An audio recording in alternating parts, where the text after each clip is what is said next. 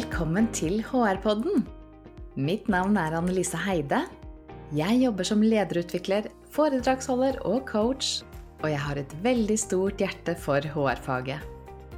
Jeg leder Norges største digitale HR-nettverk, og nå har jeg også realisert en annen HR-drøm, nemlig en helt egen podkast for deg som liker HR. Med spennende gjester, faglig påfyll og aktuelle tips hver uke.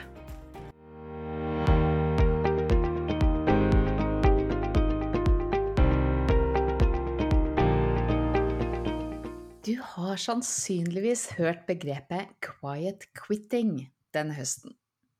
Temaet som ble en stor farsott på sosiale medier etter at tiktokeren Zaid Leplin publiserte en video om det å redusere sin innsats på jobben på en måte som innebærer at du ikke går above and beyond.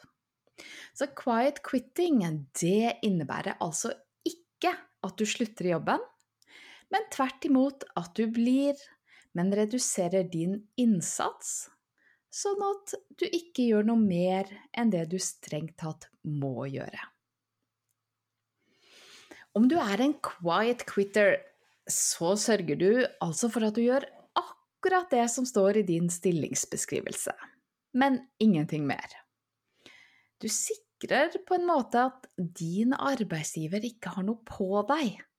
Det vil si at du kan ikke bli tatt for ikke å gjøre jobben din, og du kan heller ikke bli sagt opp, men du bidrar ikke med noe utover det. Men er egentlig quiet quitting et nytt fenomen? Handler det ikke bare om å være uengasjert på jobben? Er det rett og slett sånn at manglende engasjement har fått et nytt og fancy navn? Eller handler dette om noe helt annet? En form for sunn og hensiktsmessig grensesetting overfor krevende arbeidsgivere og masete sjefer. La oss starte med denne TikTok-videoen som gikk viralt, for å utforske fenomenet litt. Dette beskrives jo som um, You're not outright quitting your job, uh, but quitting the idea of going above and beyond. You're still performing your duties, but you're no longer subscribing to the hustle culture mentality that work has to be your life. The reality is it's not. Og du har kanskje allerede sett videoen. Og hvis du ikke har det, så er den jo vel verdt å få med seg. Det, det er jo en stor snakkis for tida. Så, så, du må se hva dette egentlig er. Eh, og filmen den er fascinerende enkel. Veldig kort. Og nesten litt sånn underlig at uh, denne lille videoen her har hatt en sånn kraft uh, og gått viralt på den måten. Så um, søk på, på TikTok-video og Quiet Quitting, eller finn linken den, til denne videosnutten i tekstbeskrivelsen til podkasten. Og du, hvis du har sett videoen, har du også lest kommentarene? De så langt 4568 kommentarene viser et enormt engasjement for temaet. Og det er i grunnen ganske fascinerende lesing. Det viser ganske mye av hva som rører seg der ute, og hvordan folk ser på dette fenomenet. Og utgangspunktet for hele denne trenden er altså yngre arbeidstakere i USA og kanskje et litt annet arbeidsmarked enn det vi kjenner her hjemme. Men jeg tenker at det vil være naivt å tro at manglende engasjement ikke gjelder i Norge. Det er nok av ledere som sliter med lavt engasjement og manglende motivasjon blant norske arbeidstakere også. Og tilsvarende mange arbeidstakere som sliter med altfor høye forventninger og arbeidsplasser der det forventes at du går above and beyond. Så ja, det gjelder her hjemme òg. En nylig gjennomført måling fra Gallup viser at minimum 50% av arbeidstakere, arbeidstakerne er såkalte quiet quitters, altså lite engasjerte i jobben sin. Den samme målingen viser at 32% av de ansatte er engasjert i jobben, og 18% er aktivt uengasjert. Og Gallup de kaller den siste gruppen for loud quitters. Det er de som er misfornøyd og sier fra om det høyt og tydelig. Mens den resterende gruppen, altså rundt 50% tilhører kategorien quiet quitters. Altså de som ikke gjør noe mer enn nødvendig på jobben. Det er godt mulig at de leter etter en ny jobb, at de faktisk har tenkt å slutte etter hvert, eller kanskje ikke. Og det diskuteres hva som har skapt dette fenomenet. Det første som skjedde når folk kom tilbake på kontoret, eller på jobb da, etter pandemien, det var jobbskifter. Og sist høst og vinter, da snakket vi om the great resignation. The great reshuffle. Folk bytta jobb. I hopetall. Det handla vel delvis om at det hadde vært liten, en veldig liten turnover under pandemien, når arbeidsmarkedet var usikkert. Så man hadde vel kanskje et akkumulert behov som gjorde at det ble veldig mange jobbskifter under en kort periode. Men det var også en forskyvning av arbeidskraft fra arbeidsgivere som stilte krav om at nå må alle tilbake på kontoret, til arbeidsgivere som tilbød en mer fleksible hverdag. Jeg hørte akkurat at Josh Bursin, den HR-guru, som også har en veldig fin podkast for øvrig, eh, han refererte til en undersøkelse, fra LinkedIn som sa at 15% av de jobbene som er utlyst i dag, de tilbyr remote work. Mens 55% av jobbsøkerne på LinkedIn søker til de jobbene som tilbyr remote work. Så det har vært en forskyvning. Men den um, hva si, great resignation, eller de trendene vi så, det handla kanskje også om at mange hadde fått tid til å tenke og reflektere om livet under pandemien. En sånn type krise som, som vi har opplevd de siste årene, det gjør at mange tenker igjennom hva de egentlig vil med livet. Hvordan de ønsker at hverdagene skal være, hva er det som er, virkelig er viktig? Og det kan være litt av det fenomenet vi fortsatt ser, men nå i en litt annen form. Så kanskje quiet quitting handler om livskvalitet og et mer bevisst valg til hva som er greit. Mange unge mennesker søker etter mening med livet og vil ha en meningsfull jobb. Man ønsker å bidra til noe som er større enn en selv, man vil gjerne jobbe for en arbeidsgiver som man kan være stolt av. Og de som går foran i denne her nye kampanjen, altså Quiet Quitting-kampanjen, de nekter å akseptere den type arbeidskultur som finnes i noen organisasjoner, der ledere stiller helt urimelige krav til ansatte. Eller kanskje bare litt urimelige krav til ansatte. Man vil rett og slett ikke slite seg ut for virksomheter som ikke tar de ansattes ve og vel på alvor. Og det påstås at arbeidslivet har blitt verre. At det stiller større krav, at det har blitt mer kynisk, og at mange ledere har lite respekt for menneskene i teamet. Jeg hører faktisk om tilsvarende her i Norge også. At arbeidslivet har blitt hardere, og at det skal mindre til før du blir vippet ut av en virksomhet om du ikke leverer på topp. Sånn såkalte sluttavtaler eh, har faktisk blitt utbrent eh, Ikke utbrent, nei, nei, nei. Har faktisk blitt utbredt i enkelte bransjer. Og så vet vi at det er veldig, veldig store forskjeller her hjemme. Det er bransjeforskjeller, det er stor forskjell på privat og offentlig sektor, og det er en rekke flotte organisasjoner der lederne gjør en suveren jobb og ivaretar både trivsel, miljø og relasjoner på en helt forbilledlig måte. Så det finnes både og. Quiet quitting er et slags motsvar på urimelige jobbkrav og en usunn arbeidskultur. Det er en stille aksjon som handler om å redusere arbeidsinnsatsen eller viljen til å stille opp ekstra.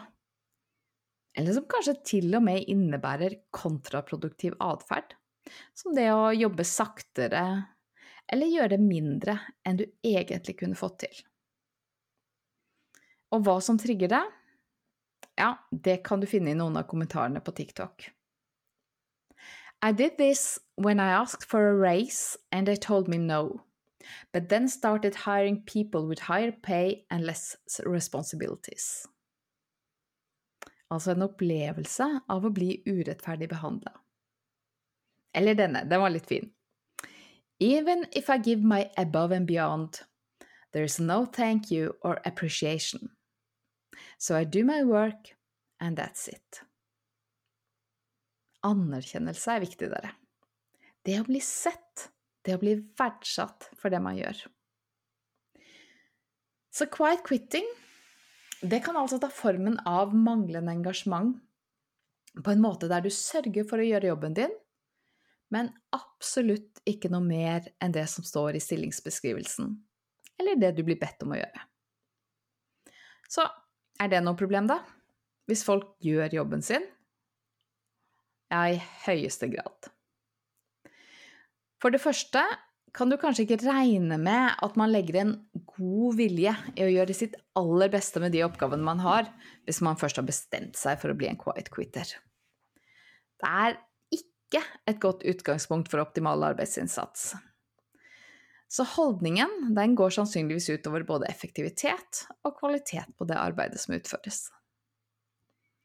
Dernest er det alle de oppgavene som ikke blir gjort. Alt det som ikke står i en arbeidsbeskrivelse. Alt det som faller mellom to stoler hvis folk ikke utviser det som vi kaller organizational citizenship behavior. Eller såkalt hjelpeatferd på jobben. Det at vi stiller opp for andre. Stiller opp for virksomheten utover det vi må. Vi kan, også, vi kan også kalle det lagånd. Det handler om å gjøre alle de oppgavene som ikke står i noen arbeidsbeskrivelse. Som eksempel å hjelpe en kollega, bistå med opplæring av nyansatte, kanskje overta oppgavene til en som er syk en dag, eller kanskje noe som enkelt som å ta ut av oppvaskmaskinen. Altså disse her fellesoppgavene som alle må bistå med, men som ikke er noens jobb, egentlig. Og det er organizational citizenship behavior som gjør at min tidligere kollega Line stilte på kontoret klokka seks 1. desember og julepynter hele kontoret til advent. Det er ikke i stillingsbeskrivelsen. Det er ingen som har bedt henne om det. Hun bare velger å gjøre det. For hun har lyst til å lage det er hyggelig for kollegene til jul. Eller at Kristoffer blir sittende på telefonen med en bekymret gammel dame som trengte hjelp med alarmen, selv om vakten hans slutta for ti minutter siden. Lagan handler om alle de små tingene som skaper hygge og trivsel. Om alle de små og store tingene som påvirker kundeopplevelsen og leveransene. Og hvis vi mister lagånden, så mister vi på en måte smøringen i maskineriet. Det som gjør det smidig å drive organisasjoner, fordi folka dine de er villige til å brette opp armene og ta i et tak når de trengs. Og kanskje, ja, ikke minst at de ser det selv, hva det er behov for. Man behøver ikke bli bedt om å bidra. Så manglende engasjement, det kan være helt kritisk for virksomheten selv om folk fortsetter å gjøre jobben sin. Bare jobben sin. Men dette her, quiet quitting, det er jo litt diskutert. Eh, og det store spørsmålet er om disse her unge uengasjert eh, på en måte som går utover jobben, eller om det egentlig er en sunn og hensiktsmessig grensesetting, å ikke gå above and beyond. Handler dette bare om at man ikke ønsker å bruke hele livet sitt på jobb, men ha overskudd og tid til å leve eh, et kvalitetsliv ved siden av jobben. Så igjen eh, refererer til en kommentar på TikTok. I quite quit six months ago, and guess what? Same pay, same recognition, same everything, but less stress. Så hvis dette handler om de timene man ønsker å bruke på jobb, og ikke om kvaliteten på det arbeidet man leverer, så er det kanskje en bra ting. Jeg tror vi trenger et motsvar til denne travelkulturen, arbeidsplasser der man jobber døgnet rundt, og der det forventes at du går above and beyond hele tiden. Så det er flott med fokus på grensesetting, work-life balance og livskvalitet. Vi trenger de trendene òg. Men jeg har liksom på følelsen av at quiet quitting det går litt lengre enn det. Og hvis quiet quitting resulterer i at du blir på en arbeidsplass der du ikke trives, i stedet for å bytte jobb, og i stedet for å si fra, og i stedet for å ta denne nødvendige samtalen med din leder, da er det en farlig trend. Og igjen et eh, godt råd fra kommentarfeltet på TikTok. This works best if you can tolerate your job. If you're miserable, get out of there. Your peace of mind comes first. Quiet quitting er ikke nødvendigvis en god strategi for din mentale helse. Det er ikke noen god følelse å gå rundt et sted og passe på at du ikke gjør det lille ekstra, og passe på at du ikke stiller opp. Og det er heller ikke noe sjakktrekk om du ønsker å gjøre karriere. Du vil nok helst ikke bli kjent som den som ikke stiller opp, som ikke hjelper til, og denne som gjør bare et minimum av hva som kreves i jobben. Og arbeidsgivers mottrekk, det heter quiet firing. Å nei, det betyr ikke at du mister jobben. Iallfall ikke med en gang men det betyr at du havner nederst på listen når man skal vurdere forfremmelser. Eller at du er den siste som blir spurt når man trenger et smart hode til et spennende prosjekt på jobben. Så quiet quitting, det er altså ikke noen bærekraftig strategi. Ikke for noen av partene. Men siden dette er en HR-podkast, La oss um, ta perspektiv til arbeidsgiver. For hva betyr egentlig alt dette her for deg som arbeidsgiver, for deg på HR, for deg som jobber som leder? Jo, hele trenden har sitt utspring i mennesker som føler seg dårlig behandlet. Som føler at arbeidsgiver ikke bryr seg, så hvorfor skal de bry seg da? Det er på en måte effekten av dårlig ledelse. Eller skal jeg si, effekten av opplevd dårlig ledelse. Det kan handle om arbeidsgivere som har glemt at ledelse og arbeidsinnsats, det er noe mer enn et økonomisk bytteforhold, altså lønn mot timer jobbet.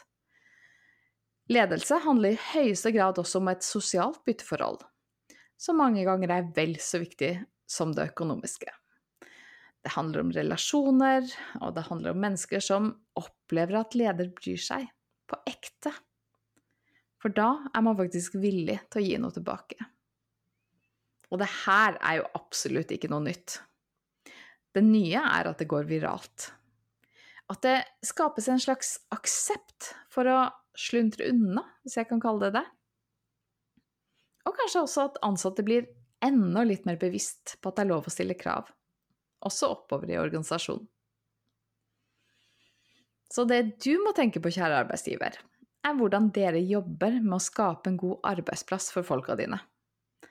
Skape meningsfulle arbeidsoppgaver der menneskene i organisasjonen får utnyttet og brukt sin kompetanse. Og utvikle ledere som evner å skape en god kultur.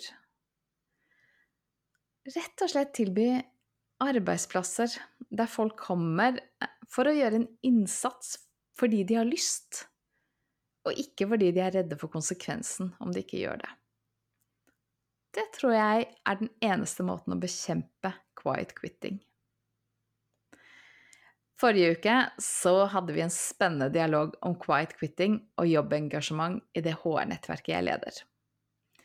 Og veldig snart så kommer jeg til å invitere til gratis lunsjwebinar på det samme temaet.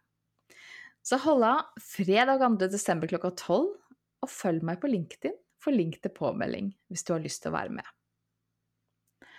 Jeg kommer faktisk også til å invitere en liten gruppe til dialogsamtale på samme tema før jul.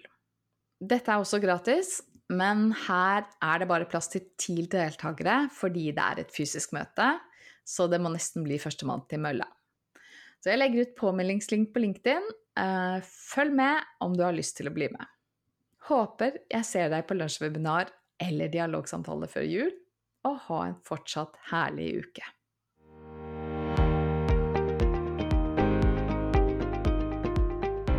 Synes du dette var nyttig?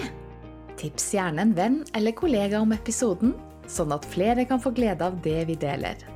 Følg HR-podden på Apple eller Spotify for beskjed om nye episoder.